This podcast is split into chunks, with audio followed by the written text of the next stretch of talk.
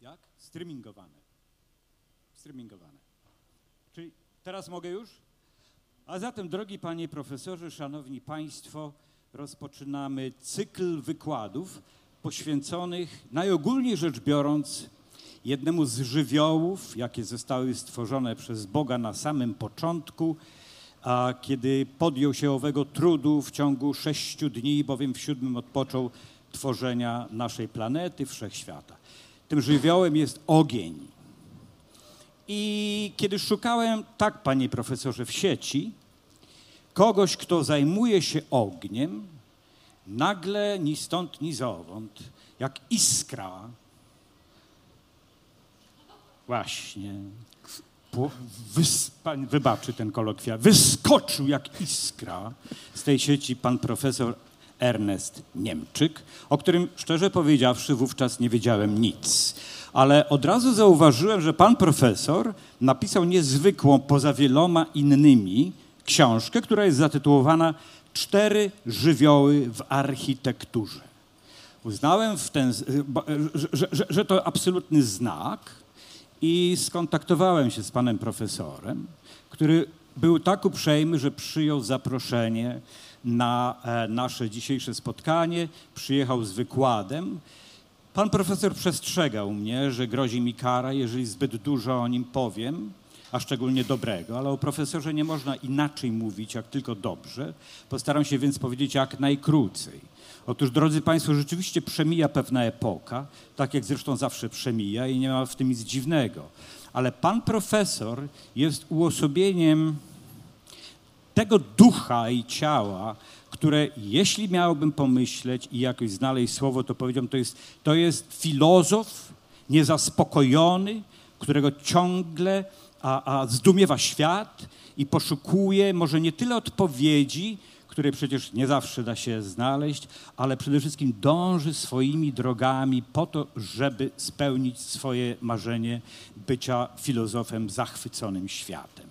I panie profesorze, to naprawdę jest wielki zaszczyt, że zechciał pan przyjąć to zaproszenie. Ja oddaję teraz w, w pańskie ręce ów mikrofon i, i proszę nam opowiedzieć o ogniu, bez którego tak naprawdę nie byłoby w ogóle życia. Dziękuję raz jeszcze za przyjęcie. Pan profesor, drodzy moi, jak pewnie wiecie, za chwilkę wygłosi odczyt, właściwie wykład żywioł ognia w architekturze od prehistorycznych reliktów i pomników antycznych do świątyni Salomona. Bardzo proszę. Dziękuję. Państwo potrafili już zrozumieć, jaka była intencja ogólna i jaki będzie finał. Chciałbym oczywiście nie, niezbyt wiele czasu poświęcać na początek, aby zaakcentować tą część, która będzie na końcu, żeby jeszcze Państwa uwaga y, była jeszcze po prostu w pełni chłonna. Jak powiedziałem, wszystkie ilustracje są y, moim własnym wytworem. Chciałem uniknąć po prostu kolizji z prawem autorskim, a poza tym w wielu przypadkach chodziło o eksperyment nad samą ilustracją, która miała oddać właściwie coś, co bardzo trudno przekazać, mianowicie ten kontrast między światłem a ciemnością, bo tylko wtedy światło się ujawnia, kiedy mamy po prostu możliwość skonfrontowania z tym antagonizmem ognia, z tą ciemnością. I pierwsze przeźrocze, jak zapowiadano, jest przeźroczem, które przenosi nas do paleolitu młodszego, jest 40 tysięcy lat przed naszą erą, jest taką krótką, takim fragmentem jaskini, która w świadomości tych, którzy w niej przebywali, była pewnym wnętrzem, który oni dzięki malowidłom i znakom tworzyli właściwie, no trudno powiedzieć, architekturą, bo nie była budowana, ale jednak konstruowana tymi znakami. Bardzo ciekawie wyglądają owe zwierzęta, które, zresztą nikt na to nie zwrócił uwagi, a to ma istotne znaczenie. Jak Państwo pamiętają, raczej uważano, że jest to właściwie no, ślad magii łowieckiej, że po prostu y, symbolicznie zabijając wizerunek, po prostu dokonamy tego również w rzeczywistości.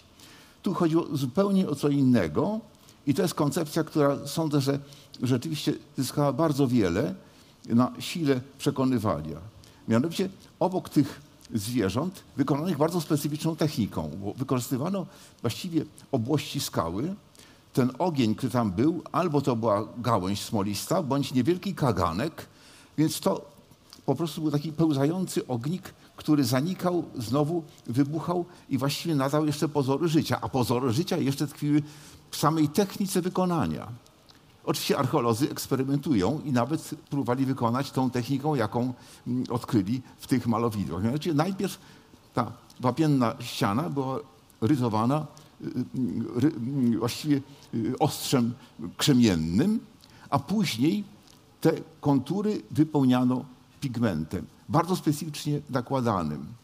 Poprzez usta rozprowadzano pył pigmentu rurką, najczęściej jakąś piszczelą, na tej powierzchni, posługując się dłonią jako szablonem. Inny, oczywiście Państwo się domyślają, że oddech to jest to pierwocina życia, więc tym bardziej dodawano być może życia temu zwierzęciu. Inna technika, jeszcze to podkreślająca.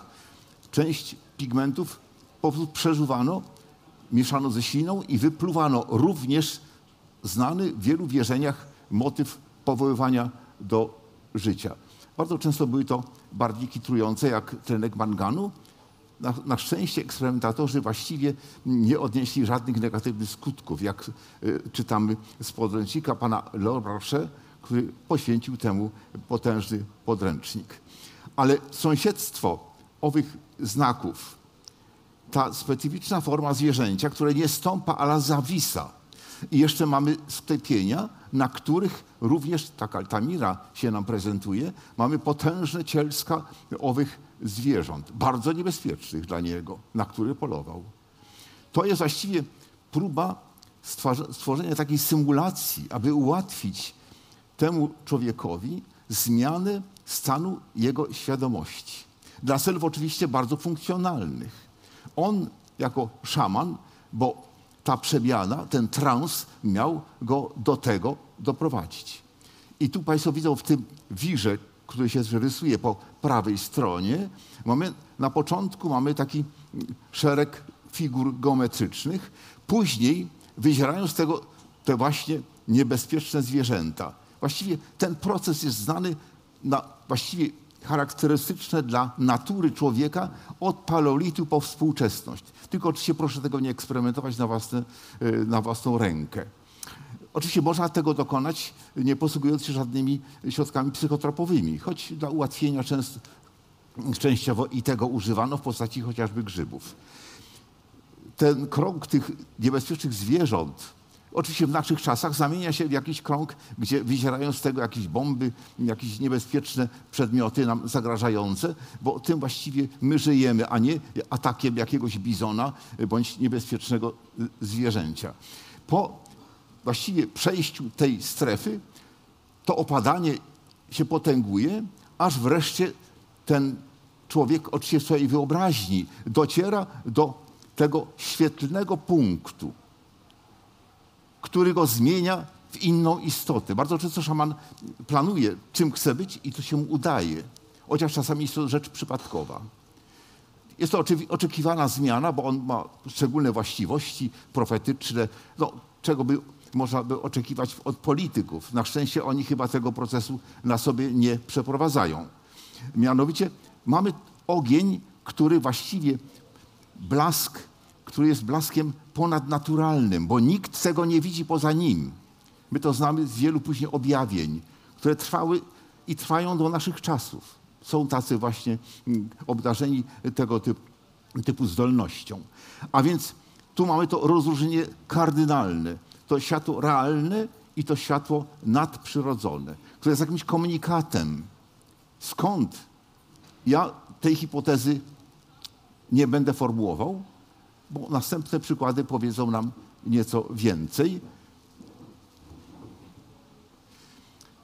Jest to właściwie no, taka ponadhistoryczna forma, ponieważ euroazjatyccy nomadzi, jak również Indianie Ameryki Północnej, podobnie właściwie organizują wnętrze swojego kolistego domostwa. Właściwie to nie jest dom, tylko namiot bądź jurta, gdzie ognisko w łączności oczywiście z kosmicznym ogniem, czyli ze Słońcem, stanowi ten, to centrum tego mikrokosmosu domowego, a łączność zapewnia orientacja albo na wschód, albo na południe.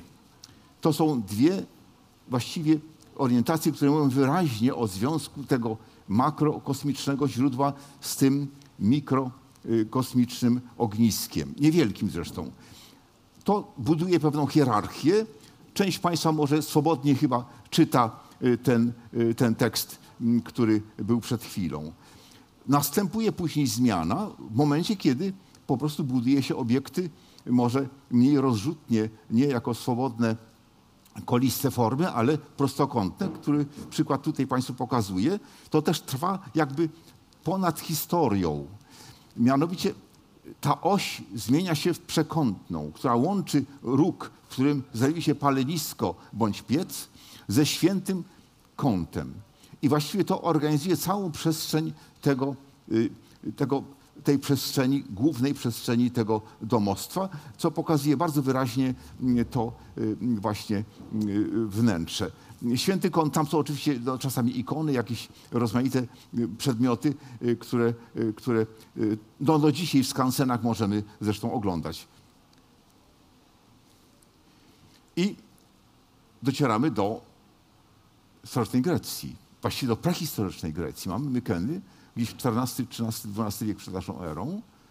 Tu możemy sobie wyobrazić, w jakiej atmosferze wojownicy słuchali wspaniałych eposów Homera.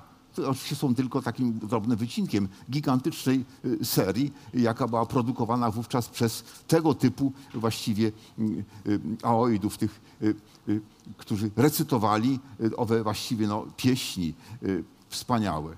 Po prawej stronie mamy Łanaksa, wodza, ognisko potężnych rozmiarów. Proszę pamiętać, że jest to ognisko, które zdumiewa nas jest oczywiście równocześnie ołtarzem.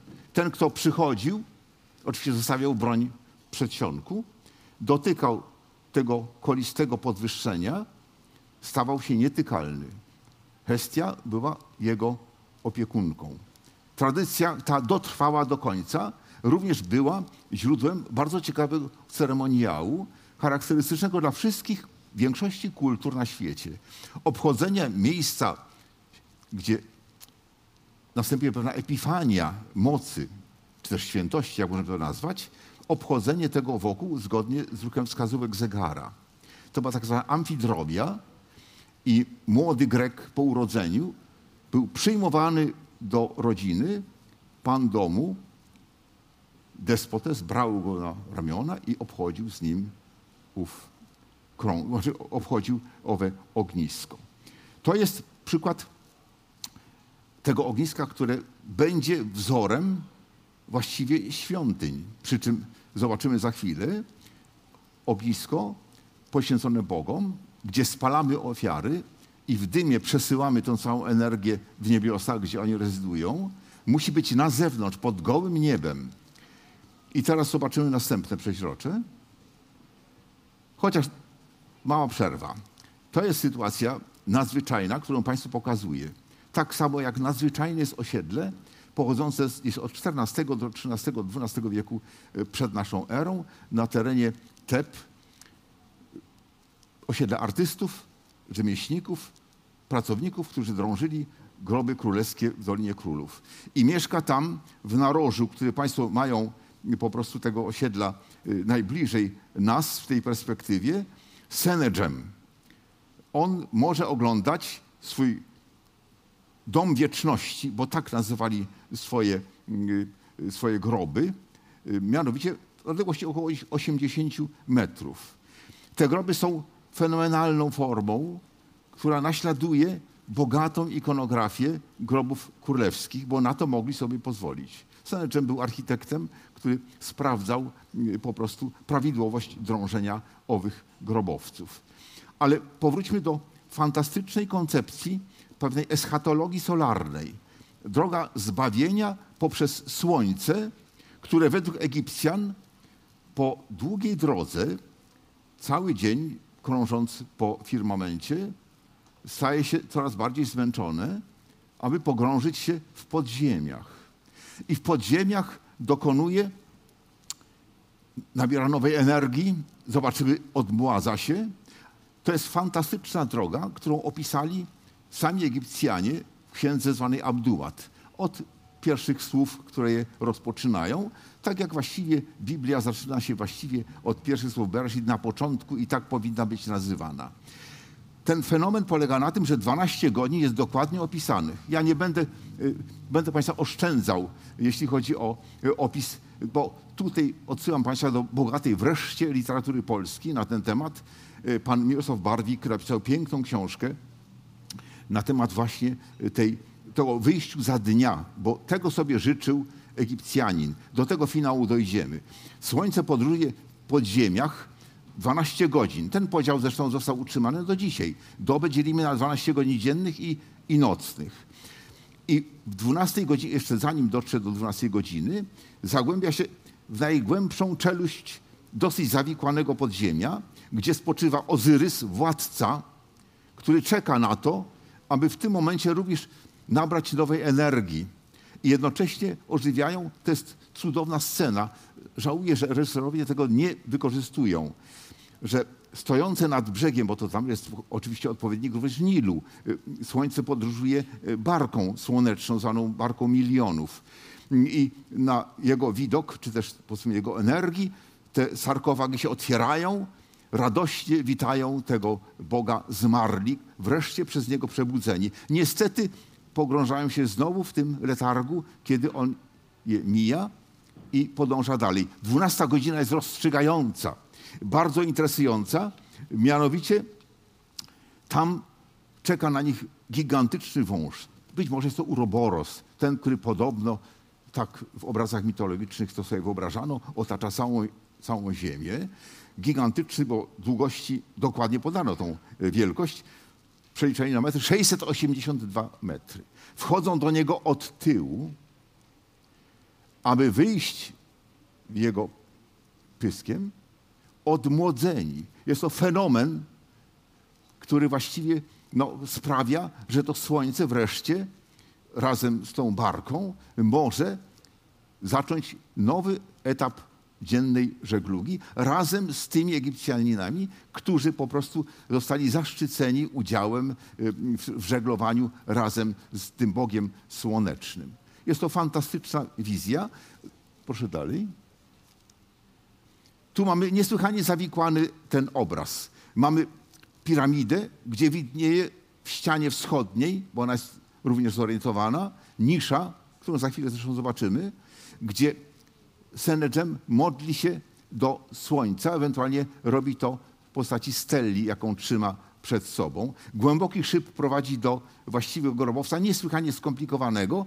Ja starałem się to właśnie narysować, jakby to była taka materia przejrzysta, żeby Państwu pokazać, jak zawiłe były te podziemia w owym czasie, chociaż nie wszystkie. Nie chcę tutaj rozszerzać tego tematu, bo on sam zasługowałby na naszą szczególną uwagę. Ale ta fantastyczna wizja światła tego boskiego, które wędruje w podziemiach. Wędruje w podziemiach. Przepraszam, czy ja Państwu zasłaniam? Może ja powinienem tu stanąć, tak? Czy, czy raczej tu? Przepraszam.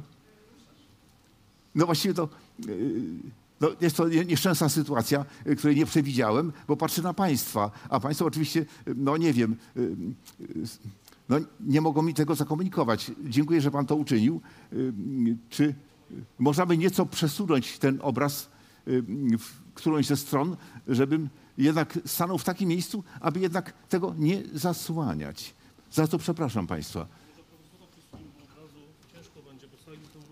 To może, może to...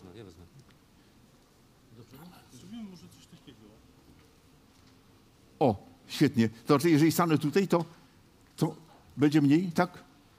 Ewentualnie część osób, którym zasłaniam, za co przepraszam, mogą przenieść się, zapraszam, w inne, jakieś bardziej stosowne miejsce, tak? I monitor też jest widoczny. Dziękuję, dziękuję bardzo. Tak, tak, oczywiście, jasne, jasne.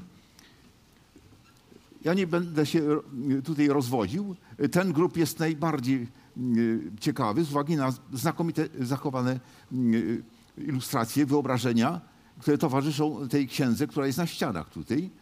No, ciekawostką było to, i nie omieszkam tego uczynić, robiąc reklamę najstarszej powieści na świecie, którą stworzyli Egipcjanie gdzieś około 1900 lat przed naszą erą.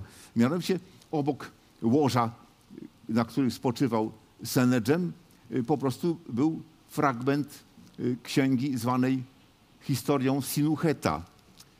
Znany zresztą, mam nadzieję, części Państwa znakomity bestseller opracowany później przez Mika Waltariego.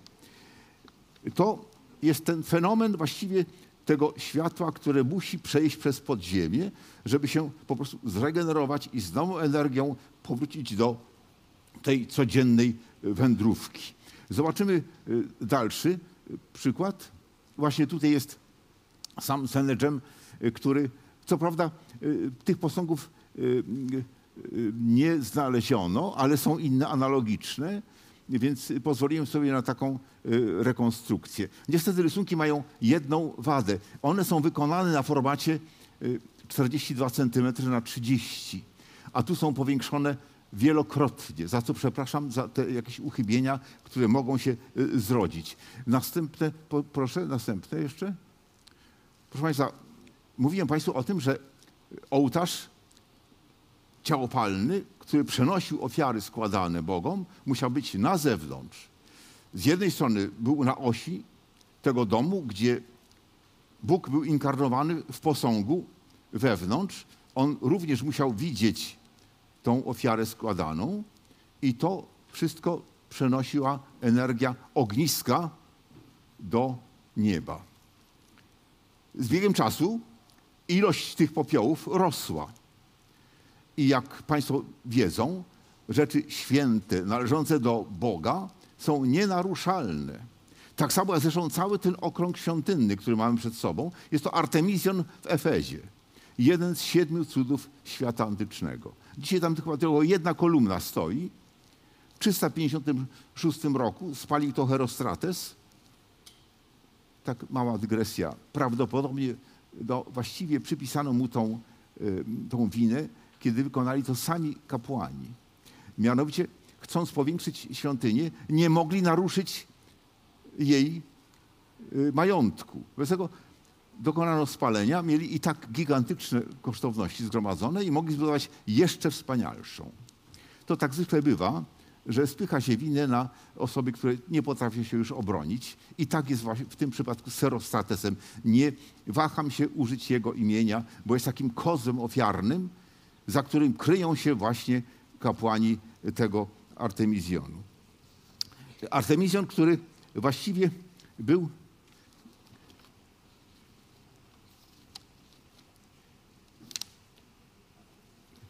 myśmy pominęli jedno przeźrocze chyba, mianowicie perską świątynię ognia. Czy pan ma to?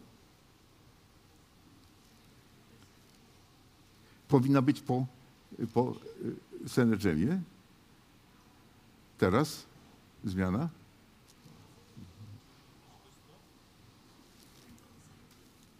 Właśnie to. Proszę Państwa, tu fenomenem y, odległych wyżyn i górzystej krainy Persji, Iranu, były perskie świątynie ognia. Fenomen, mianowicie polegający na świętym ogniu, których trzeba było chronić.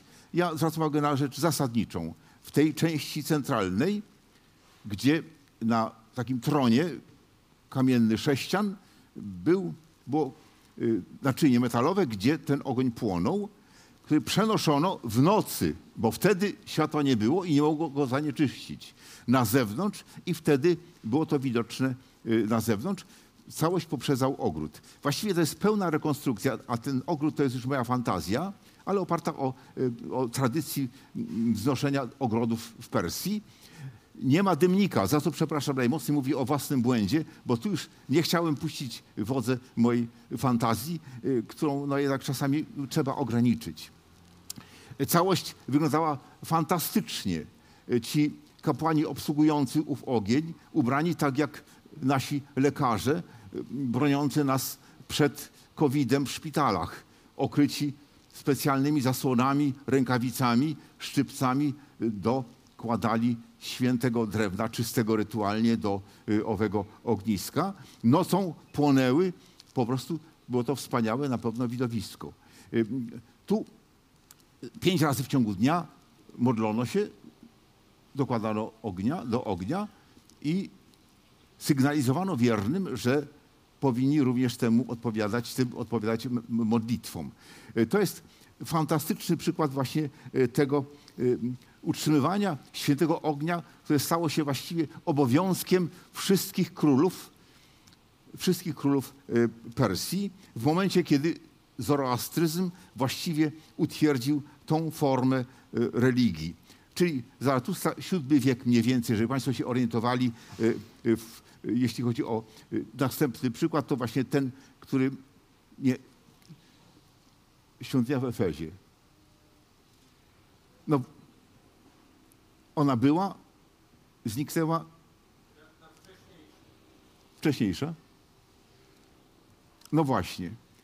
Tu, proszę Państwa, mamy przed sobą jeden z najwspanialszych y, o, o cudzie świata antycznego przesądzały wielkości. Sama kolumna miała 19 metrów wysokości, razem z belkowaniem 21 mniej więcej. 8 kolumn na 21. To był prawdziwy las kolumn, 127. I wewnątrz prawie mamy ukrytą, prawie niewidoczną tą cellę, gdzie był słynny posąg obwieszony, co to niektórzy oczywiście interpretowali jako wielkie piersi. Zobaczymy, że być może mylili się i radykalnie. Mianowicie tu ten kopiec popiołów rósł. Trzeba było coś z nim zrobić. Najprościej byłoby obudować i stworzyć taką ramę architektoniczną i temu celowi służył osobny ołtarz, który stał się początkiem niebywałej kariery ołtarza jako pomnika nie tylko sakralnego, ale chwały narodowej, żeby przypomnieć pomnik Witoria Emanuele w Rzymie, to najbardziej rzucający się w oczy, prawda? Dalej cudowna rekonstrukcja ołtarza w Pergamonie, też wszystkim znana przynajmniej z podręcznika, y, jeżeli nie z autopsji. Ta świątynia zbudowana przez 120 lat ją budowano. Hersifron z Knossos był autorem y, tej koncepcji. Wewnątrz chroniono to miejsce nie tylko jako miejsce spalenia, ale zarzynania tych nieszczęsnych byków. Nie było ich sto. To tak jak w porzekadle. Wielka obfitość to jest sto, prawda? Hekatomba, jak jeden z naszych polityków y, y, rozśmieszył i przy okazji właściwie ugruntował prawidłową nazwę 100 byków. Właściwie 100 byków. Oczywiście z reguły, sądząc y, po tych zawiesiach, które były na barkach owej bogini, a były to jądra owych byków, zażynano gdzieś do 30 sztuk. Ale i tak były to opary krwi, odór tych wnętrzności nie do zniesienia. Przekraczały to chyba wrażliwość tych ludzi, chociaż były tam i wojny, rzezie, ale to, to jednak starano się to w jakiś sposób ochronić tym parawanem. I to stworzyło tą wspaniałą formę ołtarza, który stale jest powtarzany w rozmaitych wariantach do czasów współczesnych. Artemizjon no, to była grecka wspaniałość. O tym y, pisał Plutarch. Właściwie dzieje były dosyć y, skomplikowane. O tym nie chcę tu więcej mówić, y, ponieważ powinniśmy zmierzać do y, następnego przykładu. Jeszcze ciekawszą formę proszę zmienić. Jeszcze można wrócić?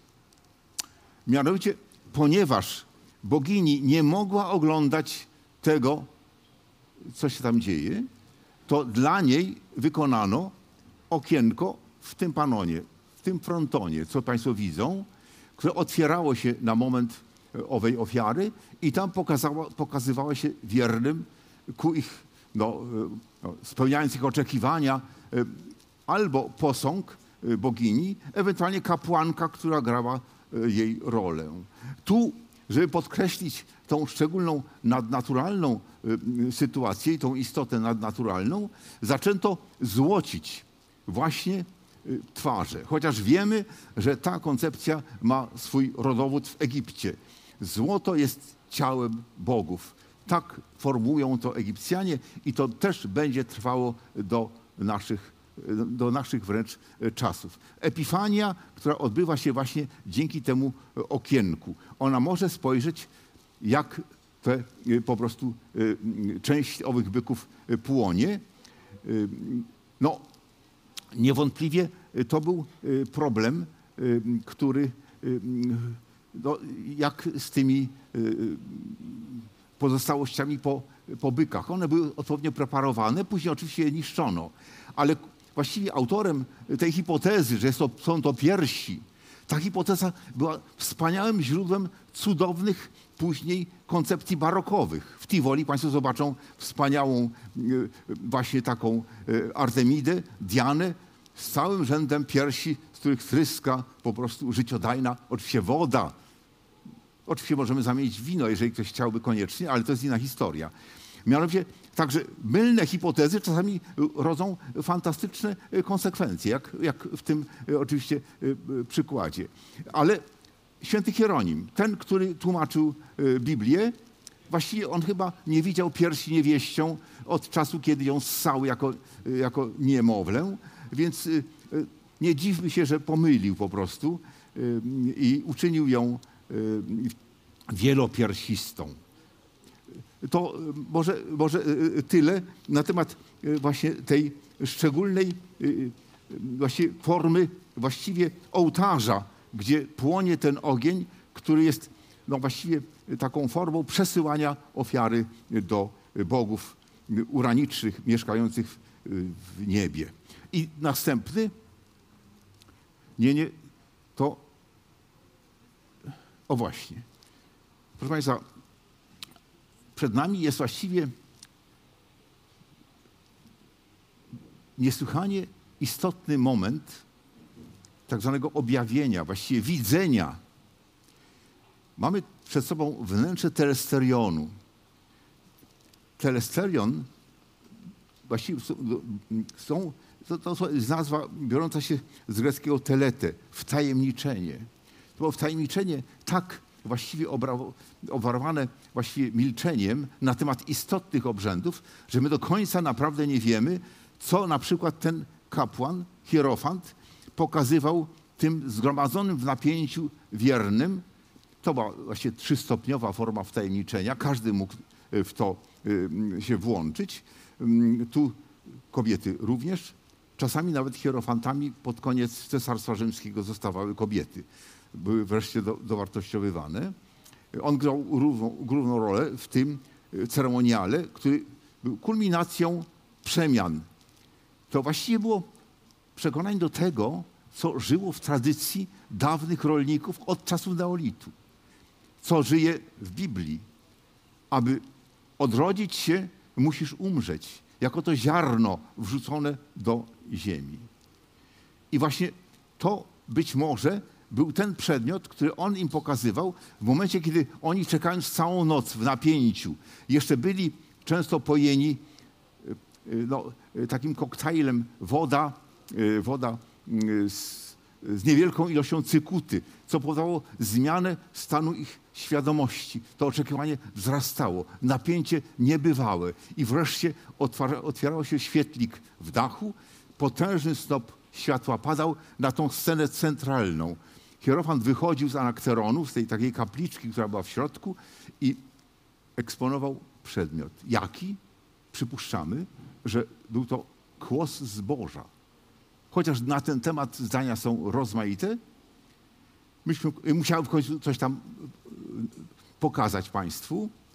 Y, No, taka ma kwintesencja. Niektórzy uważają, że to może jakieś narządy płciowe też właściwie no, istotne y, dla przedłużania, dla y, kontynuacji.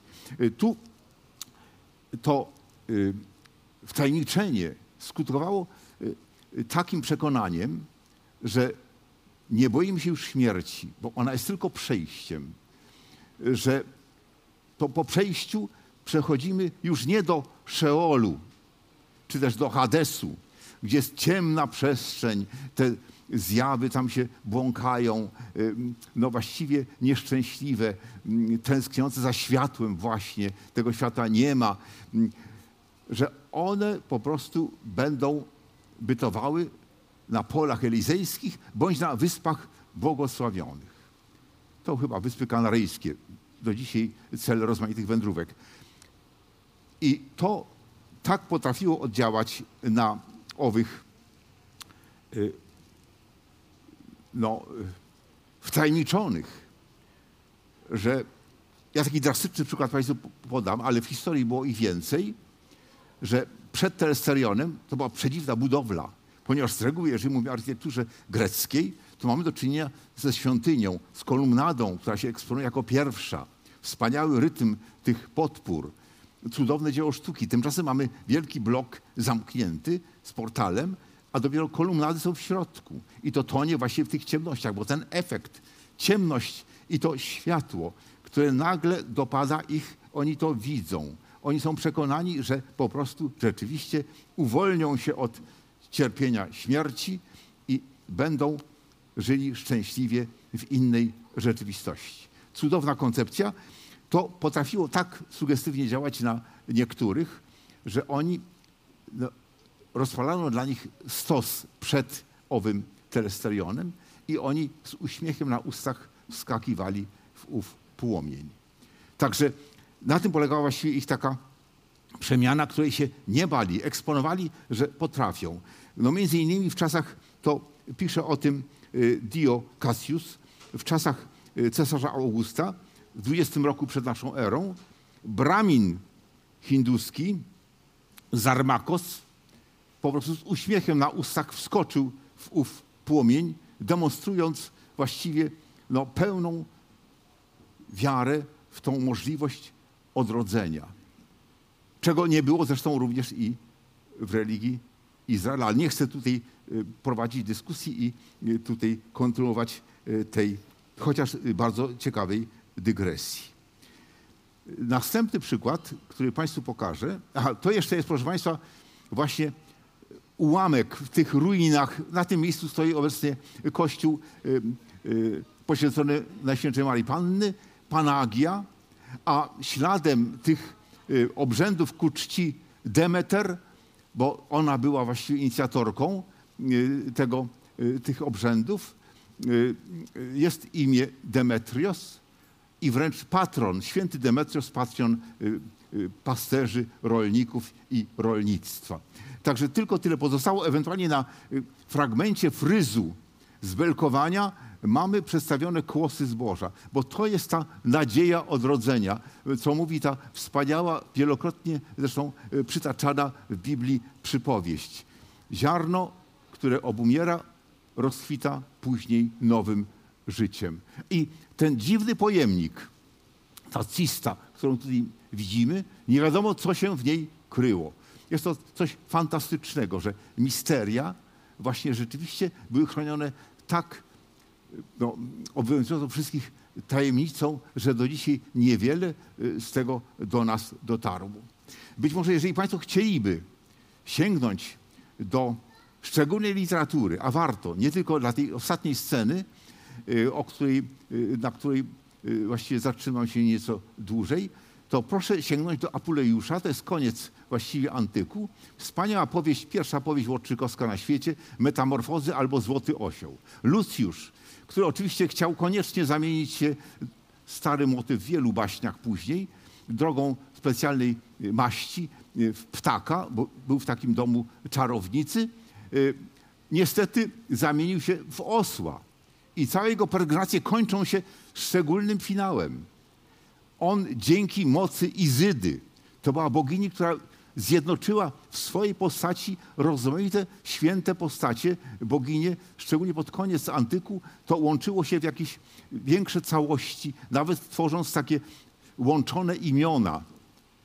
No, w końcu Izyda, karmiąca małego Horusa, stała się pierwowzorem ikonograficznym karmiącej Matki Bożej, prawda? To, to y, o tym y, trzeba pamiętać. Izyda, która swoją mocą przywraca Lucjuszowi tą pierwotną postać. Tam zresztą występują ciekawe postacie, bo jeżeli mówimy o świetle, to występuje tam piękna dziewczyna służąca owej czarownicy Focis, czyli właściwie promyczek, światełko, y, która niestety jest narzędziem w ręku owej czarownicy, dostarczając ową y, maść, y, która zaskakująco zamieniła Lucjusza, też właściwie od światła jego imię pochodzi, w tego osła, złotego osła.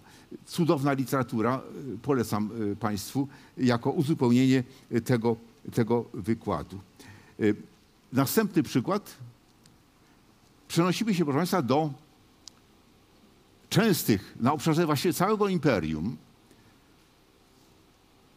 mitreów, miejsc, gdzie czczono Boga światła, prawdy, honoru, męstwa również, nawet heroizmu, Mitre.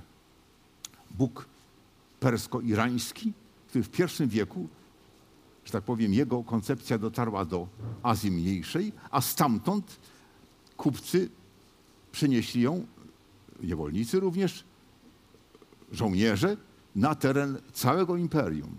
Mamy również na przykład w Londynie, jeżeli Państwo będą chcieli obejrzeć, to były podziemne formy, dlatego one są często zaskakująco dobrze zachowane. Jak te, które Państwu pokażę tutaj, to jest właściwie ołtarz, który w ikonografii tej płaskorzeźby koncentruje dużą część tej doktryny, trochę zaskakującej nas, jaką głosił Mitra. Zrodził się ze skały. Tak jak iskra niecona ze skały uderzeniem po prostu żelaza. Urodził się ze skały, wychodził z jej w pełnym, właściwie pełnej postaci, y, z pochodnią w jednym ręku i ze sztyletem w drugiej. Ponieważ jego zadaniem i to realizuje tutaj zadaniem, które obarczył go Bóg Słońca, który temu właściwie, y, y, właściwie patronuje. Po lewej stronie w narożu widzimy Słońce, po prawej Księżyc. One egzystowały również w czasie jego urodzin. On zabija byka, ponieważ z krwi tego byka tworzą się cały, cały świat. Tworzy się właśnie z tej ofiary, którą składa Mitra. Z krwi tworzą się rośliny, z jego nasienia zwierzęta. Tu nie będę. To oczywiście towarzyszą z obu stron y, dwa jego towarzysze. Jeden, który ma pochodnię obniżoną y, w dół, y, drugi ją uniesioną. To jest oczywiście zmierzch i poranek. Te dwa takie przeciwieństwa. Bardzo często, tak jak w tym mitreum, z którego to pochodzi, mianowicie mitreum pod kościołem San Clemente, nieopodal Koloseum w Rzymie. Zatem w zakończeniu tej podziemnej, podłużnej sali, sklepionej, zaraz ją zobaczymy, mianowicie jeszcze właśnie ta scena narodzin. Ono miało miejsce 25 grudnia. Państwo się domyślają, że bardzo wiele z tej symboliki przeszło później do chrześcijaństwa.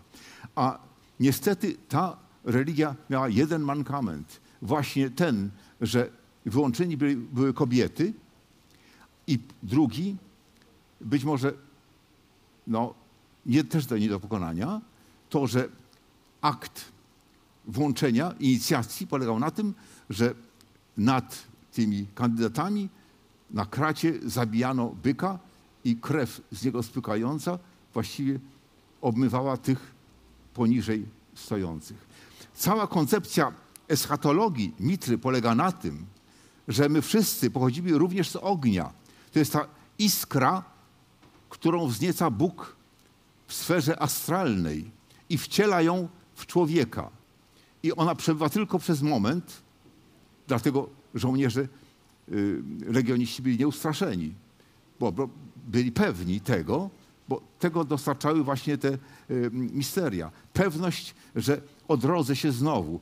Iskry powracały, świat właśnie astralny po śmierci tych wyznawców. Y, tu na tym później zbudowano Kościół, jakby symbolicznie akcentując zwycięstwo innego misterium, które również było utajone.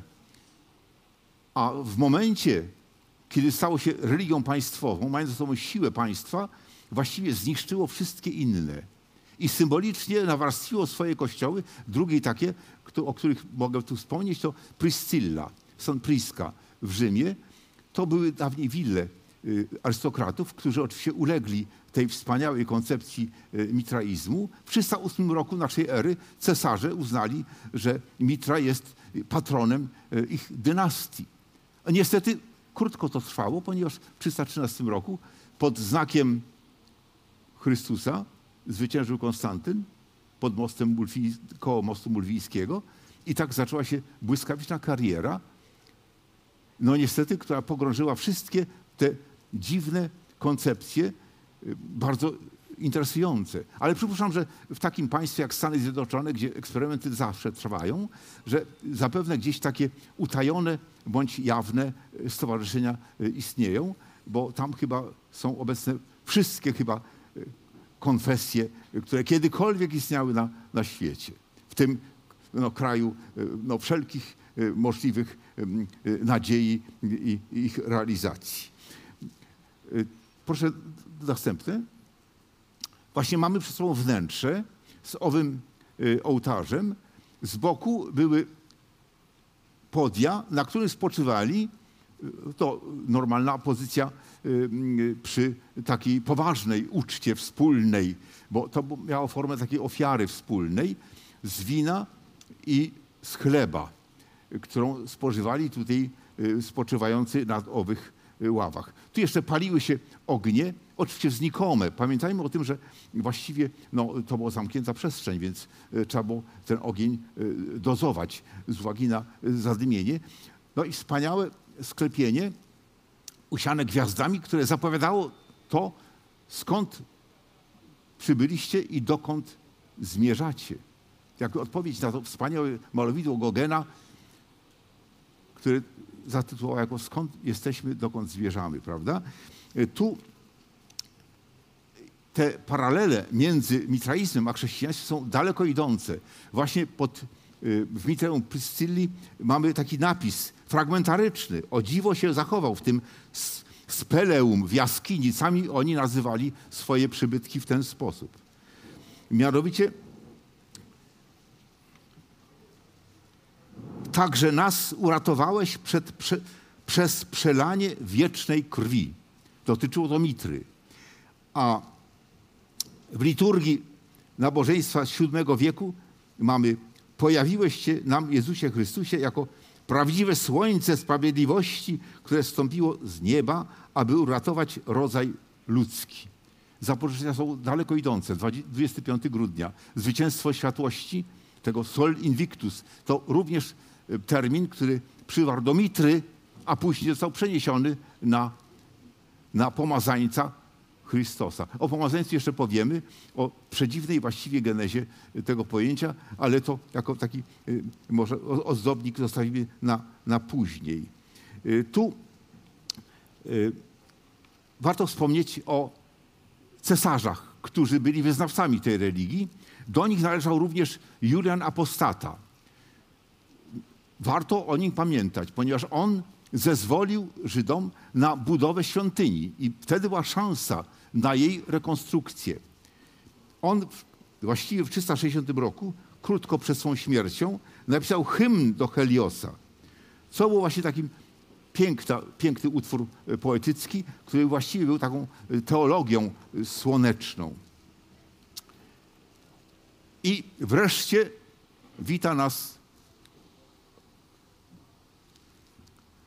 Jerozolima. Pozwolimy sobie na taką fantazję, oczywiście kreowaną oczywiście wiadomościami archeologicznymi, wielkością y, tego dziwnego miasta, które zwało się prawdopodobnie Jebus, czy od Jabes, czyli właśnie od miejsca suchego, nie wiemy. Sama nazwa Jerozolimy jest dosyć paradoksalna, ponieważ etymologia, jaka właściwie się utrwaliła, jest bardzo szlachetną formą. Ale właściwie ma, mamy pewne pretensje filologiczne do tego, bo zawiera w sobie piękną formę powitania, życzenia pokoju, szalom, Jerusalem, prawda? No przecież tego zmieniać nie będziemy. Ale pamiętajmy o tym, jeżeli to jest wykład, gdzie szukamy prawdy na bazie również analizy lingwistycznej, że w tekstach wyklinających to miejsce Egipcjanie, zanim ruszyli na wojnę, to sporządzali magiczne zabiegi. Naczynia bądź posążki opatrywano napisami identyfikującymi i później rytualnie rozbijano, aby później mieć, być pewnym zwycięstwa. I na takich naczyniach pisali Uru Shalim. Uru znane w językach Orientu, akadyjskim również, Uruk, Urduk, dobre miasto, miasto, to znana forma. Szalim jest to Bóg, który rządził tym miastem. To był Bóg zmierzchu. On miał oczywiście swój odpowiednik y, poranka. To był Szachar. Może mniej znany, ponieważ nie utrwalił się w żadnej y, nazwie, ale o tym pamiętajmy, że tu to miasto właściwie z uwagi na też pewną tradycję, jaką poznajemy w historii Orientu, po zdobyciu przez Dawida powinno być nazwane miastem Dawida. I w niektórych źródłach tak występuje, ale później zmienia się na Jerusalem i niech tak już pozostanie. Wielkość jest no, relatywnie niewielka. W czasach Dawida oceniamy tysiąc osób mniej więcej mieszkało. Czy to było miasto, czy wioska? Wiemy według Biblii i chyba tak było, że miasto od, od wioski e, właściwie różniło obwarowanie i ona, to miasto chyba miało takowe. Niewielka była to powierzchnia. Gdzieś powierzchnia około 400 metrów na 150. Przy, dla porównania, Państwo znają Kraków, mogą zobaczyć sami wielkość rynku, 200 na 200 metrów mniej więcej, czyli właściwie no, o jedną trzecią e, przekraczała wielkość tego rynku krakowskiego. Ta niewielka właściwie forma, która w końcu rozrosła się do takich rozmiarów, które oglądamy i dzisiaj. A więc zresztą w tym słowie szalim są zawarte, tak jak zapisywano wówczas i długo później jeszcze, w języku arabskim również, tylko spółgłoski. I te trzy spółgłoski są również obecne w imieniu syna Dawida, który dziedziczył po nim tron i który wybudował świątynię, którą się za chwileczkę zajmiemy. Ona już tutaj widnieje. Zaakcentowałem szczególnie te dwie potężne kolumny, które takim widocznym znakiem właściwie, no i sama wielkość tego obiektu, właściwie z serii świątyń podobnych do obszaru Palestyny, ta wyróżnia się przede wszystkim kubaturą, wielkością, jeżeli wierzyć opisowi. Proszę pamiętać, że opis powstał w VII wieku przed naszą erą i właściwie to, no nie chcę obwiniać skryby o pewną przesadę, ale niestety nie mam możliwości sprawdzenia tego, ponieważ właściwie wszystkie ślady zostały dokumentnie zniszczone. Ale powróćmy do sytuacji topograficznej, która tu jest pokazana. Mamy niżej położony pałac królewski. Była to też zasada orientalna. Pasterz, pomazaniec Boży, był podporządkowany również przestrzennie, co było widać wyraźnie no, dla zbliżającego się do miasta, kto jest panem tego miasta, a kto jego wielkorządcą, tym ziemskim przedstawicielem, jakim był król. On też przedziwną formę. Meszyja, którą znamy w hebrajskim, właśnie pochodzi od egipskiego paradoksalnego właściwie terminu, który byśmy nie zrozumieli, ale ja może to przytoczę.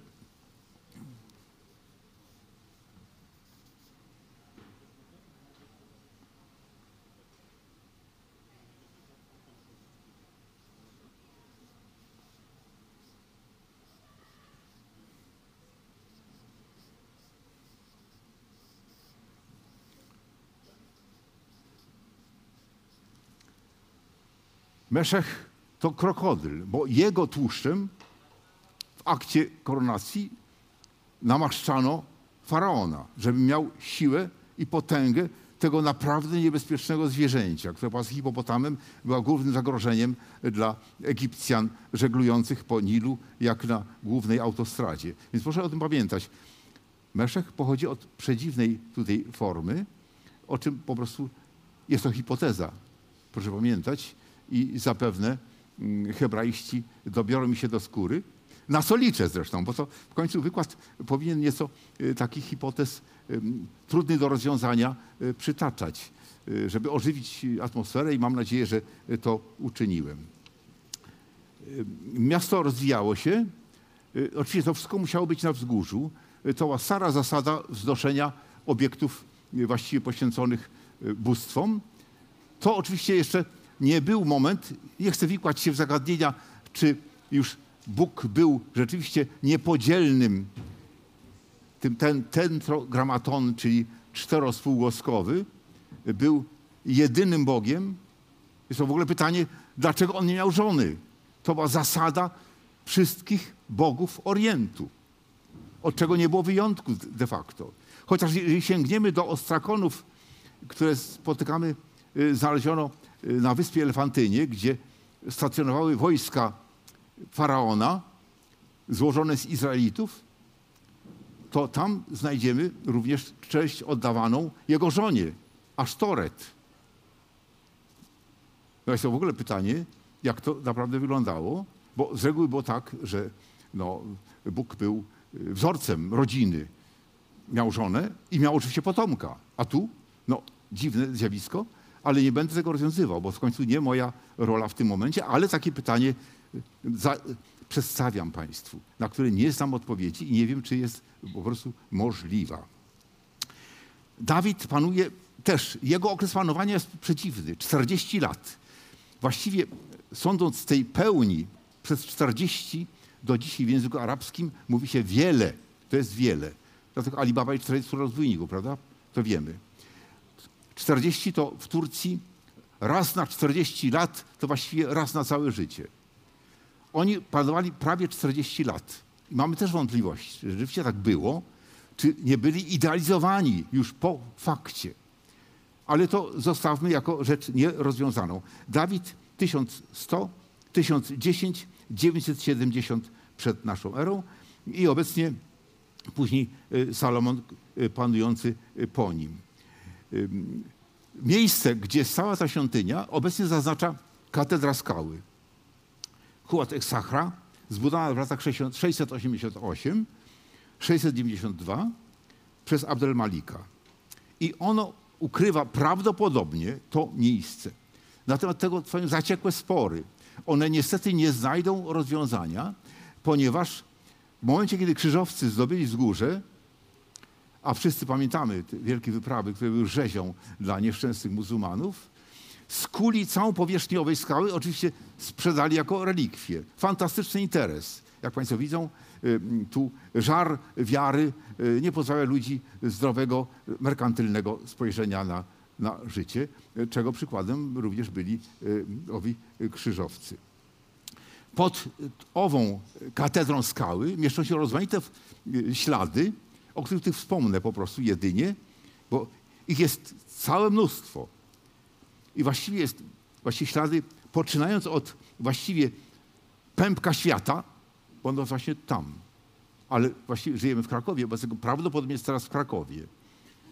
To tak zawsze bywa. Pępek świata jest tam, gdzie ja jestem właśnie. Dalej odciski palców Gabriela, stopy Mahometa, miejsce modłów Salomona, Abrahama, syna Akeda.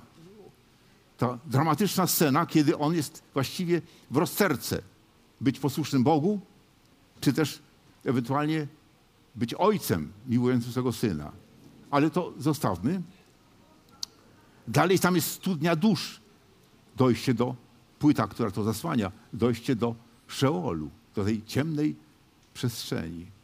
Właściwie w religii hebrajskiej nie ma pojęcia życia wiecznego. Jest to rzecz interesująca. Żyjemy jedynie dzięki pamięci potomnych, to zresztą akcentują również Egipcjanie. I dzięki temu, że mamy potomstwo. Tylko tyle.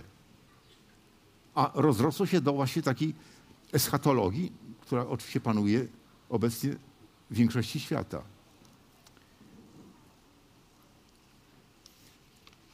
No i dalej proszę. I właściwie ja oszczędzę Państwu opowiadania o wnętrzu, bo za chwilę ono zostanie pokazane. Ale pokażę Państwu tak, jakbyśmy wchodzili tam w okresie, kiedy była ona no, w momencie świetności, chociaż jest pewien anachronizm, do, którego się y, tutaj przyznaję od razu. Y, ten ołtarz y, ciałopalny jest właściwie wzorowany na wizji Ezechiela, która jest o wiele późniejsza. Ale niewiele wiemy, jak naprawdę wyglądał pierwotny ołtarz. On mógł być mniej więcej w ten sposób wyglądać, chociaż Ezechiel inspirował się tym, czym żył w czasie niewoli. Końcu chyba 46 lat. Tam w niewoli widział wspaniałe cikuraty. I tym być może był, no, tam powstała ta wizja e, wieży Babel chociażby, o czym, o czym wiemy. Mamy przed sobą brama, y, brama y, wschodnia.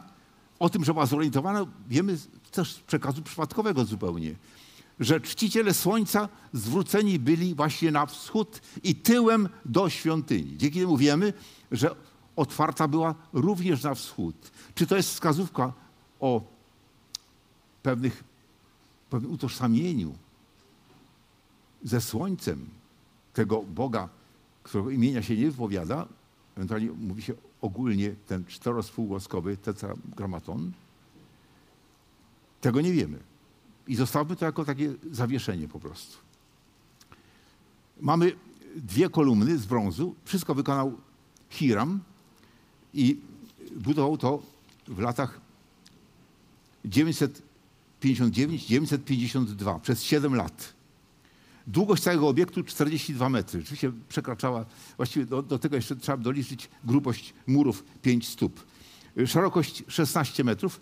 Tu właściwie też mury odgrywały pewną rolę.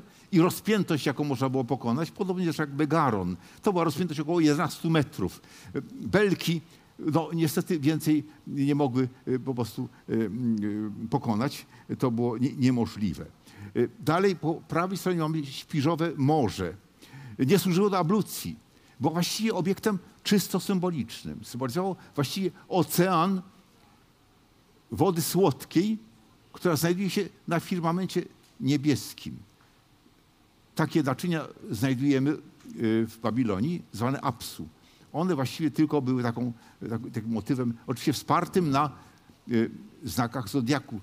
12 byków, no jednocześnie były to y, takie które prowokowały i chyba król Ahas w pewnym momencie je zlikwidował. Y, no, podobnie jak Nabukadnezar, który złupił świątynię, y, niestety w 587 roku bezpowrotnie te, te kolumny zniknęły jako trofea. Pałace asyryjskie, babilońskie miały specjalne takie muzea trofeów i tam zapewne zostało to przetopione. Tego to nie powróciło. Bo właściwie w tym okresie, kiedy odtworzono świątynię według Nehemiasza i Zorobabela około roku 515, właściwie starano się unikać y, takich form, które mogłyby przekraczać ten zakaz tworzenia obrazów, które mogłyby być właściwie przedmiotem czci. Bo tylko Bóg może być właśnie tym, y, tym celem modłów i czci mu oddanej. To y, pełne nawiązanie, które skończyło się właśnie przebudową Heroda, który postanowił przeżyć wszystkich. I to jest też paradoks. Mając nieprzebrane bogactwa, również ze świątyni, spróbował pokazać, że jego stać na wszystko, a jednocześnie właśnie chciał przekupić lud. Wiadomo, jak to się robi, to znamy z własnych współczesnych y, pregeneracji, y, doświadczeń, że mianowicie kupuje się tych, przychylność narodu. Buduje się nową świątynię gigantycznych rozmiarów, która była tak gigantyczna, to Józef Flawiusz, być może możemy mu wierzyć, y, ile, jak była wielka, 100 łokci długości, 52,5 metra i 120 łokci szerokości. Prawdopodobnie, ponieważ musiał zachować czystość rytualną i pełną właściwie y, normę pokazaną w Księdze Królewskiej, dlatego to była chyba świątynia w świątyni. Znany zabieg, bardzo interesujący, do dziś czasami stosowany przez niektórych architektów, że pewne święte przedmioty chronimy szczególnymi osłonami. Mistrzami w tym i w tych osłonach byli Egipcjanie, prawda? To chociażby znamy z pochówku y, y, Tu- Tu- Tutankhamona. Y, Zniszczona w 70 roku, próba odbudowy dopiero w czasach właściwie wspomnianego cesarza Juliana Apostaty w 362 roku. Przedtem, już od 333 roku, notuje się, kronikarze o tym piszą, zjawiają się tam Żydzi, właściwie opłakując to miejsce, rozrywając szaty, znak żałoby y, i pewne kamienie y, namaszczając mm, oliwą. Także jest to właściwie y, forma no, mm, żalu, który pozostaje do dzisiaj.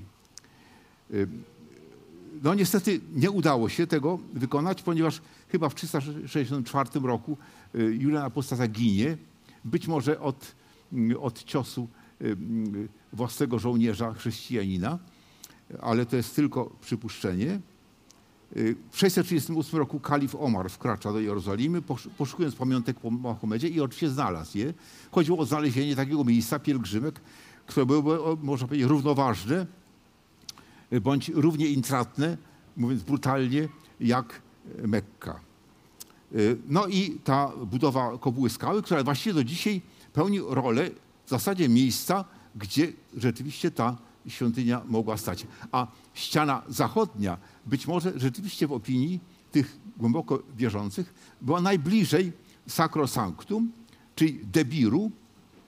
Jest to znowu termin egipski, określający właściwie formę takiej ciemnicy, bo w niej chciał mieszkać Bóg. Sam to powiedział i to Salomon zrealizował. Debir to y, termin egipski znowu.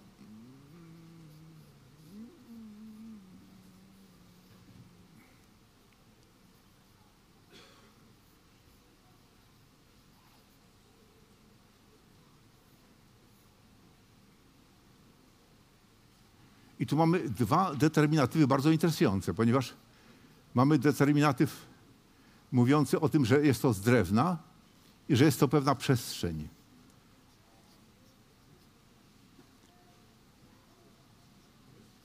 O. To jest właśnie ta ciemnica, czy chodziło o ochronę tego świętego ognia, które miało się tam realizować, ale o tym za chwilę. Warto jeszcze przypomnieć o tym, że dalsze zabudowania tu giną. Na szczęście nie muszę jego opisywać, nie muszę jego opisywać. Natomiast te przybudówki z obu stron mieściły archiwa niesłychanie cenne. Dzięki archiwom można by odtworzyć właściwie całe życie kolejnych pokoleń, nie tylko kapłanów, ale całego Izraela. Niestety uległo to zniszczeniu. Tak w przypadku świątyni Salomona, jak później świątyni, którą mm, wzniósł Herod. To nieszczęsna, nieszczęsny los. D- Zobaczymy dalej, co. Proszę dalej. Tu mamy właściwie podział na te trzy części, które mają głębokie znaczenie symboliczne. Z jednej strony konotacje kosmiczne i kabalistyczne. Debir to jest właśnie to niebo, ta ciemnica chroniąca to boskie światło. Hekal właściwie pochodzi od terminu akadyjskiego ekal, wielki dom. Tak nazwano pałac. Jest to właśnie pałac Boga, bo tam właściwie y, można było wejść i podziwiać wyposażenie, które za chwileczkę zobaczymy. Ulam, czyli fronto, fronton, elam, to również w akadyjskim, który był taką no, międzynarodową mową która oddziałała oczywiście również na, na hebrajski, jedna rodzina, można powiedzieć, językowa. No i kabalistyczne interpretacje, które nie muszę już czytać, ponieważ sami Państwo to mogą uczynić. Bogata jest ta symbolika y, i nie wyczerpuję, przypuszczam, wszystkich znaczeń, bo y, to jest również taka pewna czynność no, zrównana z jakąś z aktem pobożności, jeżeli poświęcamy uwagę tej, tego, temu szczególnemu miejscu, gdzie Bóg postanowił, czemu się zdziwił sam Salomon, otwierając tą świątynię. Ciebie niebo i ziemia objąć nie potrafią, a Ty zamieszkasz właśnie tu. Takie chwile zwątpienia bardzo interesujące są, jeśli chodzi o rozterki, które po prostu miotają duszą człowieka. Nawet w święcie przekonanym kapłanie, to też przytoczę, y, przytoczę świątyni egipskim, mianowicie jest taki fragment, który budzi głęboką refleksję i szacunek dla wolności y, po prostu myśli tego człowieka. Posąg pochodzący z drugiej dynastii, y, 945 przed naszą erą, z Karnaku. Na nim jest napis autobiograficzny i ten fragment bardzo interesujący Państwu cytuję. Chwila, w której widzi się promienie słońca, jest o wiele wspanialsza niż bycie wiecznym władcą świata podziemnego. Sądzę, że w wykładzie właśnie i w takim początku dyskusji te rozterki są szczególnie inspirujące. Dlatego je po prostu przytaczam. Ja oczywiście y, y, nie obarczałem Państwa bagażem rozmaitych cyfr i dat, bo w końcu sami mogą Państwo sięgać, a polecam. Podobno pobożny lud w Polsce ma Biblię w każdym domu. Pierwsza i druga księga królewska, opis tej wspaniałej świątyni, o jakiej kilka słów tutaj y, Państwu powiedziałem. Y, kolumny też mają swoje znaczenie. Czy przed nią, którąś z nich, Boaz i Jakin, miały około właściwie 11,5 metra wysokości, kończyły się głowicą, która była połączeniem, znowu ciekawe połączenie motywu staroorientalnego, który przenika wszystkie kultury, również obecny jest nawet na nagrobkach jako taka, y, taki obiekt zdobiący, a może i symboliczny, owoc granatu. To jest dolna część głowicy w takim koszu z siatki, a u góry mamy lotosy. Ten wspaniały kwiat, który jest jakby sygnałem budzącego się słońca i życia, bo z odmętów rzek, nad którymi powstawały owe cywilizacje, myślę o Egipcie i Mezopotamii, pod wpływem słońca unoszą się te cudowne kwiaty o upajającej woni. I właśnie tam te lotosy również były zwieńczeniem tej Y, tej kolumny. No, smukłej swoją drogą. Boaz w nim moc i Jakin Jachwę utwierdził. Nie wiemy, przed którą stawał król po intronizacji, czyli po namaszczeniu olejem, oczywiście świętym, a nie krokodyli, bo skąd te krokodyle w Palestynie. Nie wiemy, czy przed którąś z nich, czy była jeszcze jakaś, o której nie mamy zupełnie pojęcia. Proszę dalej. Tu mamy niewielki ołtarz właśnie kadzidlany i ciałopalny, który w tym momencie jest o tyle interesujący, że ma te cztery naroża. One były bardzo istotne ze względów, e, no, że działały tak, taką mocą, że ci, którzy złapali się owych naroży, byli nietykalni. Podobnie jak ci, którzy dotykali paleniska, e, chociaż w Megaronie bądź w domu. To jest kapłan. Specjalnie pokazałem go, ponieważ on trzyma w ręku właściwie laskę zwieńczoną jedynym przedmiotem, który właściwie pozostał nam z pierwotnego wyposażenia świątyni. Jest to cały paradoks. Jest to piękny przedmiot z kości słoniowej, niewielki, 4,3 cm. Łodzi oczywiście budzi wątpliwości, czy jest autentyczny, bo jest nabyty w, w handlu antykwarycznym w 79 roku, w 1979 roku, ale według napisu, który jest na nim, na szczęście opatrywali to napisami. według samej treści i sposobu pisania datowane jest to na schyłek ósmego stulecia przed naszą erą, należący do świątyni jako świętość kapłanów. Tak głosi ów napis umieszczony. Tu ołtarz jest o tyle interesujący, że pod nim wylewano krew. Krew, nośnik duszy, równoznaczny z nią, właściwie wylewano w ziemię. I to oczywiście znowu hipoteza moja, nie wiem, znawcy pisma bądź egzegeci mogą, mi na to odpowiedzieć. Czy chodzi o to, aby posilić dusze i cienie błąkające się w Szeolu? Nie wiem. Naprawdę nie wiem, bo właśnie tam wylewano tą, y, y, tą krew. Spalanie ofiar, a najlepsze cząstki przeznaczono Bogom, to był, to był głównie tłuszcz. Państwo sobie wyobrażają ten specyficzny zapach. No w końcu nie można ofiarować y, Bogu jakiś odór. Chociaż dla człowieka było to nie do zniesienia. Być może inaczej w tej sferze ponadzmysłowej. Dlatego pewną równowagą były ołtarze kadzidlane. Były również złote, nie wiem jak wyglądały, ale na nich spalano kadzidło, żeby po prostu złagodzić ten y, przykry zapach. A poza tym stara tradycja, która żyje nadal w naszych dezodorantach. Po prostu roztaczamy aurę boskości.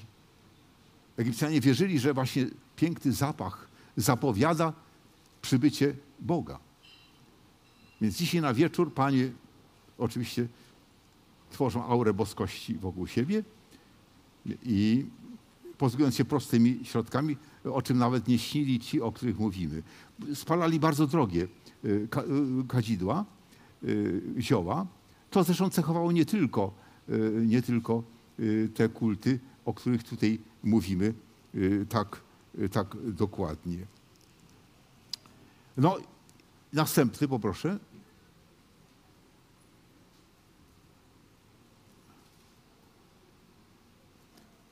Wkraczamy do hajkalu. Przed nami to się rzucało w oczy. Prawdopodobnie czerwona, purpurowa zasłona, kotara, parochet, chroniąca właśnie tą ciemnicę, która się za nią kryła. Czy była zdomiona właśnie antytetycznie, antytetycznie usadowionymi y, kerubami. W pojęciu cherubim to po prostu pobrzmiewa y, ten rdzeń posłańca Bożego, który po prostu chronił drzewo życia. To drzewo życia występuje prawdopodobnie również jako, jako w formie takiej stylizacji. W menorze, którą tu widzimy po lewej stronie, towarzyszą jeszcze dodatkowe świeczniki. Pamiętamy, że palono nie świece, a lampki oliwne. Tu mamy stół po prawej na chleby pokładne. No, kapłana narysowałem z uwagi na to, że, żeby tą skalę mniej więcej Państwu pokazać. Belki, strop, całe wyposażenie to jest drewno cedrowe. Proszę sobie wyobrazić, teraz wchodzimy do wnętrza i zalewa nas złoto. Ta poświata tego być może nazwyczajnego świata. Może właśnie o ten efekt chodziło. A jednocześnie mamy dwa dodatkowe efekty, których po prostu na rysunku oddać nie mogę, ale Państwo mogą sobie to wyobrazić, przychodząc dzisiaj do domu, yy, otwierając lodówkę, jak najbliżej proszę się zbliżyć do niej, ewentualnie jeszcze pomachać jakiś piękny kwiat. Mianowicie zapach drewna cedrowego, który emanuje tą, y, tym aromatem tak bardzo, że jak Malowan odkopał w Babilonii pałac babiloński, to w zwałach gruzu były belki cedrowe, nienaruszone, które wspaniale jeszcze pachniały. Malowan to, jest, y, to był mąż Agaty Christie, jeżeli Państwo y, pamiętają. Mianowicie cedry, zapach, jeszcze te kadzidła, dalej snop światła. Światło przytłumione, ponieważ kraty kamienne chroniły przed nadmiarem tego światła. Czy właściwie to złocenie pokrywało całość, nawet gdyby go nie było, to sam zapach i dalej klimat pewnego chłodu. Dlaczego? Ta budowla miała owe magazyny z obu stron, miała potężną warstwę gliny na stropie, dlatego mamy te zastrzały takie, które tutaj Państwo widzą, żeby zmniejszyć ugięcie tych belek właśnie tą metodą. I to wszystko spowodowało, że wchodził do zupełnie innej atmosfery. To cudowna, cudowny moment. Już nie mówiąc o efekcie, który stwarzały te ferie barw i te wyobrażenia. Y, Hejkal, to właśnie to szczególne miejsce, pałac, pałac po prostu, gdzie stoi wyznawca.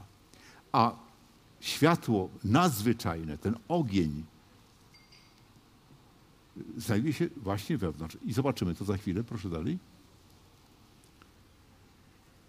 To jest moja rekonstrukcja. Oczywiście jestem strasznym barbarzyńcą w tym momencie, bo odważam się nazwać to, czego właściwie no nikt, no nie wiem, raczej nie ma takich y, odważnych, ale jestem, no, no muszę wstąpić w taką rolę y, obrazoburcy, można powiedzieć, w tym momencie. No i wykonałem to, może nie tak, jak chciałbym, oczekiwałbym y, takie piękne dziewczę, y, których zresztą mnóstwo tutaj y, się pojawia, ale wykonałem taką, taką skromną formę. Był to gigant, rozpiętość 11 metrów, 5 metrów wysokości, połowa wysokości tego debiru, bo to był sześcian po prostu, sześcian wykonany z drewna. Na skrzydłach, które tak się łączyły, domyślamy się, była to ceremonia pustego tronu, ceremonia obecności, co Państwo przeżyli dzisiaj w uroczystości na placu ofiar getta, prawda? Mamy ten cudowny pomysł, cudowny pomysł z tymi siedzi- siedziskami, które tam po prostu mówią, tu opuścili nas przed chwilą ci, którzy musieli pójść na tą, na tą męczeńską śmierć. Tu mamy oczywiście również rozmiar arki. To sanktuarium nomadów znalazło się tutaj, jako właściwie podnóżek. Oczywiście są takie wizje, gdzie niektórzy widzą, jak całość tej przestrzeni wype- wypełniają szaty y, tego właśnie y, najwyższego. Do wnętrza tylko w Jom Kippur raz w roku mógł wchodzić arcykapłan.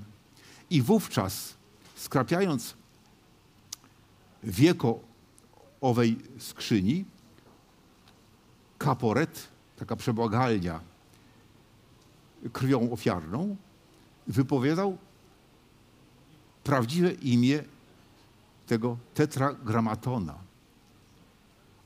To imię, tą tajemnicę dziedziczył jego syn na urzędzie. W momencie, kiedy zamarła ta funkcja, niestety nie wiemy, jak naprawdę wymawiano to imię, które właściwie jak zgodnie z zasadą nie tylko y, w świecie Izraela, ale wielu y, narodów i kultur, właściwie stawało się no, pewną siłą. Potrafiliśmy no, po prostu panować nad kimś, kogo imię znamy. Stąd w wielu kulturach imię takie właściwe, ukryte, rzeczywiście nie jest ujawniane.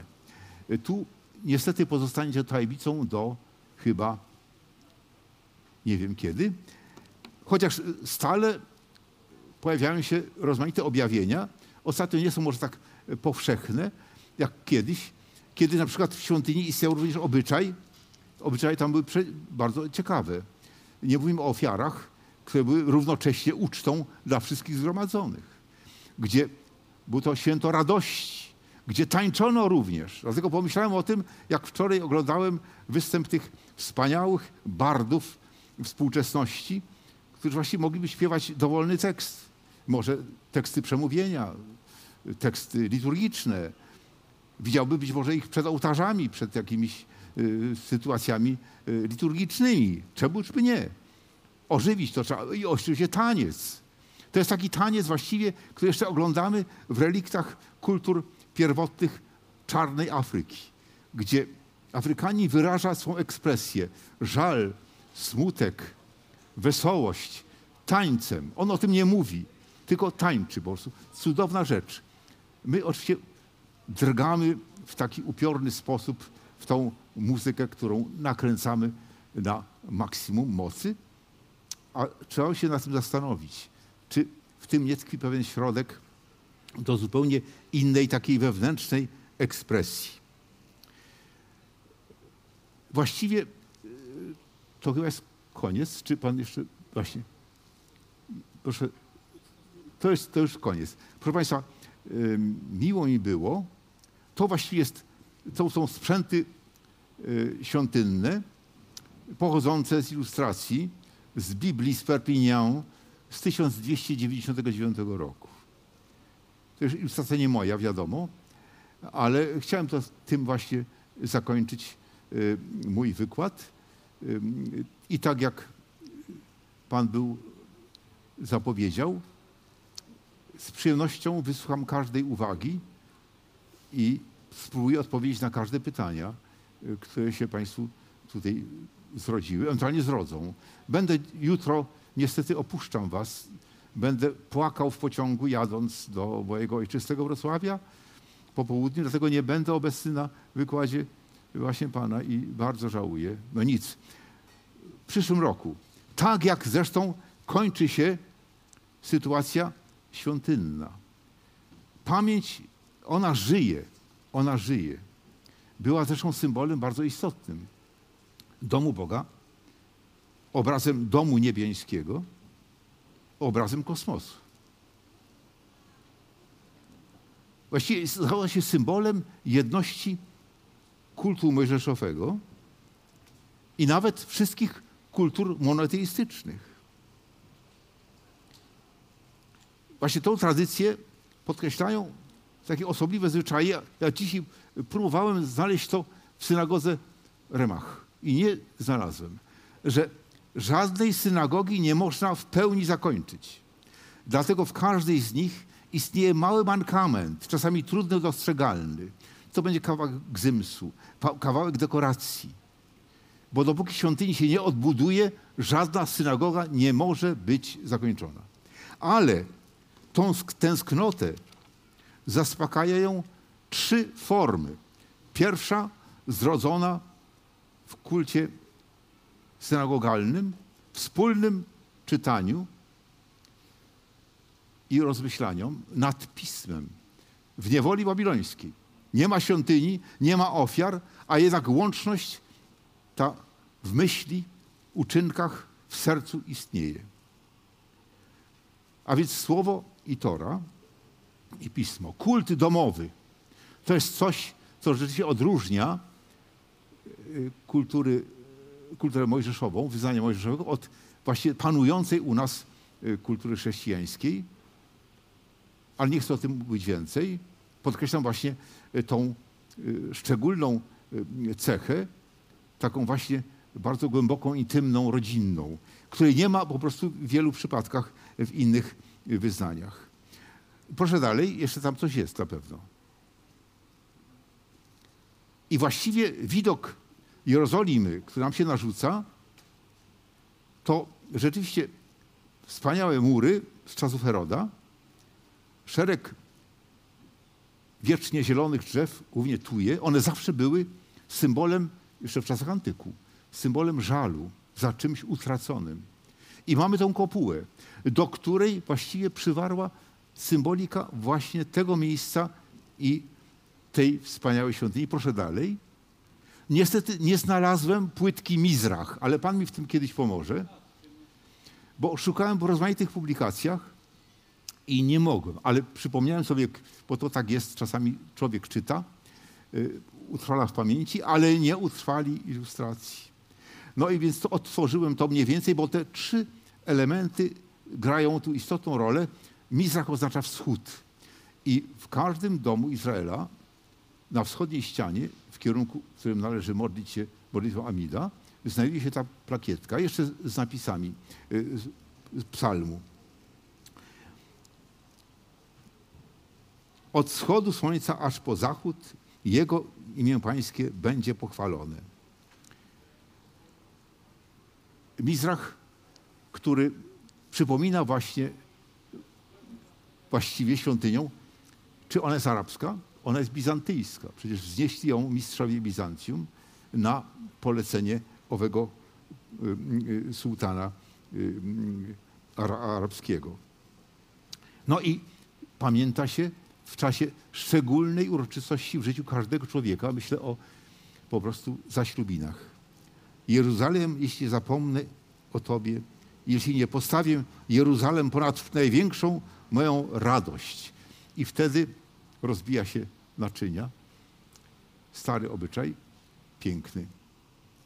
I zakończenie święta Pesach ze szczególną mocą, pod koniec wznosząc ostatni toast winem, mówi się następnego roku w Jerozolimie. I, I tym kończę. Dziękuję serdecznie. Bardzo dziękujemy panu, panie profesorze. Dziękujemy a, profesorowi.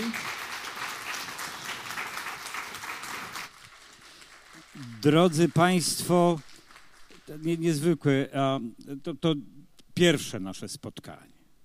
Bardzo żałuję, że Pan jutro musi wyjechać. Drodzy Państwo, jeżeli chcecie Państwo porozmawiać z profesorem, to zapraszam serdecznie, może najlepiej do Hederu. A, ja ze- zejdę w, dół, bo a, ale nie, panie chcę profesorze, musimy, nie- musimy niestety przygotować przestrzeń do kolejnego Aha. wydarzenia. Dlatego też po, po, powiadamy Leszenacha, Jerusalem, następnego ro, roku w Jerusalem, ale póki co jesteśmy w Hederze i póki co jesteśmy na Festiwalu Kultury Żydowskiej, więc e, e, na razie granice z Izraelem są zamknięte, więc... E, pokonujemy każde granice. o, absolutnie. Myśl pokonuje każdą granicę. O. Wyobraźnia Każdy. potrafi wszystko, czego mam nadzieję udowodniłem. Co, co udowodniłem Państwu? A, absolutnie, absolutnie. Panie profesorze, bardzo panu dziękuję. Serdecznie dziękuję za wykład. Drodzy Państwo, jeszcze są gdzieś te książki chyba na Allegro, więc jeżeli jesteście Państwo zainteresowani, pan profesor Ernest Niemczyk, Cztery żywioły w architekturze. Dziękuję za żywioł podczas Festiwalu Kultury Żydowskiej. Dziękuję za ogień. Odstrasza, ponieważ po prostu jest tak wykoncypowana, że można otworzyć jak Biblię w każdym miejscu. I jeżeli Państwo skupią uwagę na jakiejś ilustracji, to obok jest egzegeza, jest opis, wytłumaczenie, o co tam chodzi. A więc nie czytajmy jak podręcznika, bo to jest upiorna rzecz, jeżeli ktoś wymaga czytania podręcznika, ale po prostu czytamy to, co przykuwa naszą uwagę.